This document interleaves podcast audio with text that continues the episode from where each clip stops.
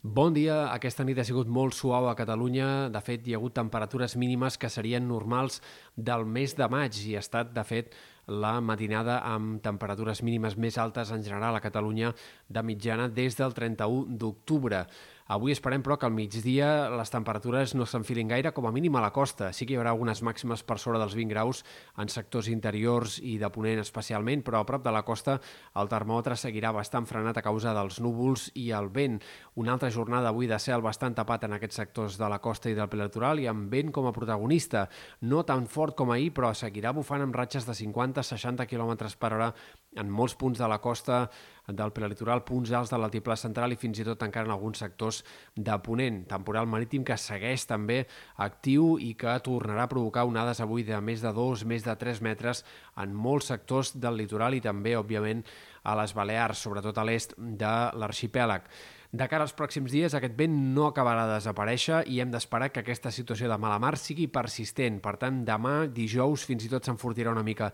el vent, en aquest cas més agregalat, i cal seguir esperant, per tant, situació marítima alterada no només avui, sinó encara com a mínim dos o tres dies més. Pel que fa a l'estat del cel, avui, com dèiem, núvols molt abundants, però poca pluja, només algunes gotes que aniran caient de forma molt dispersa cap a comarques de Girona. Demà la borrasca es tornarà a acostar i provocarà que entre demà i dijous hi hagi pluges abundants, significatives al País Valencià. També tornarà a ploure amb certes ganes en molts punts de les Balears. Ahir a Catalunya aquestes pluges arribaran de forma molt irregular. A última hora d'aquest dimecres ha de començar a ploure també a les Terres de l'Ebre. Aquí és on es podrien acumular quantitats importants al llarg dels pròxims dos dies, amb registres que puguin arribar a superar els 50 litres per metre quadrat en alguns sectors, sobretot al voltant dels ports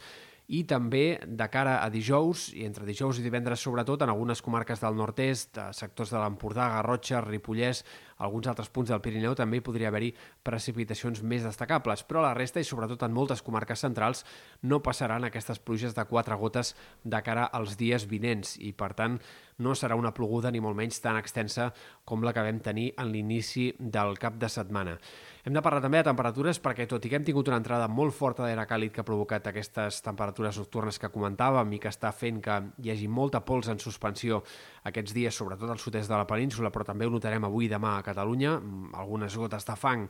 en molts sectors les que vagin caient aquests pròxims dos dies, doncs després d'això entrarà una massa d'aire més fred i el que ens espera per l'inici de la primavera, que recordem que comença aquest diumenge a dos quarts de cinc de la tarda, és un panorama encara molt d'hivern, encara amb temperatures clarament més baixes que els últims dies de cara al cap de setmana i la primera part de la setmana que ve. I per tant eh, sembla que caldrà abrigar-se encara en aquesta segona part del mes de març. La dinàmica de temps del cap de setmana no hauria de canviar molt, seguirem amb inestabilitat, amb alguns ruixets dispersos, no acabarà de ploure de forma general tampoc aquest cap de setmana, i en tot cas potser la setmana vinent arribin noves tongades de precipitacions més abundants i més generals, però tot això encara ens queda molt lluny i caldrà seguir-ho. En tot cas, el que sembla clar és que no arribarà una situació d'anticicló de moment en aquesta segona part del mes de març.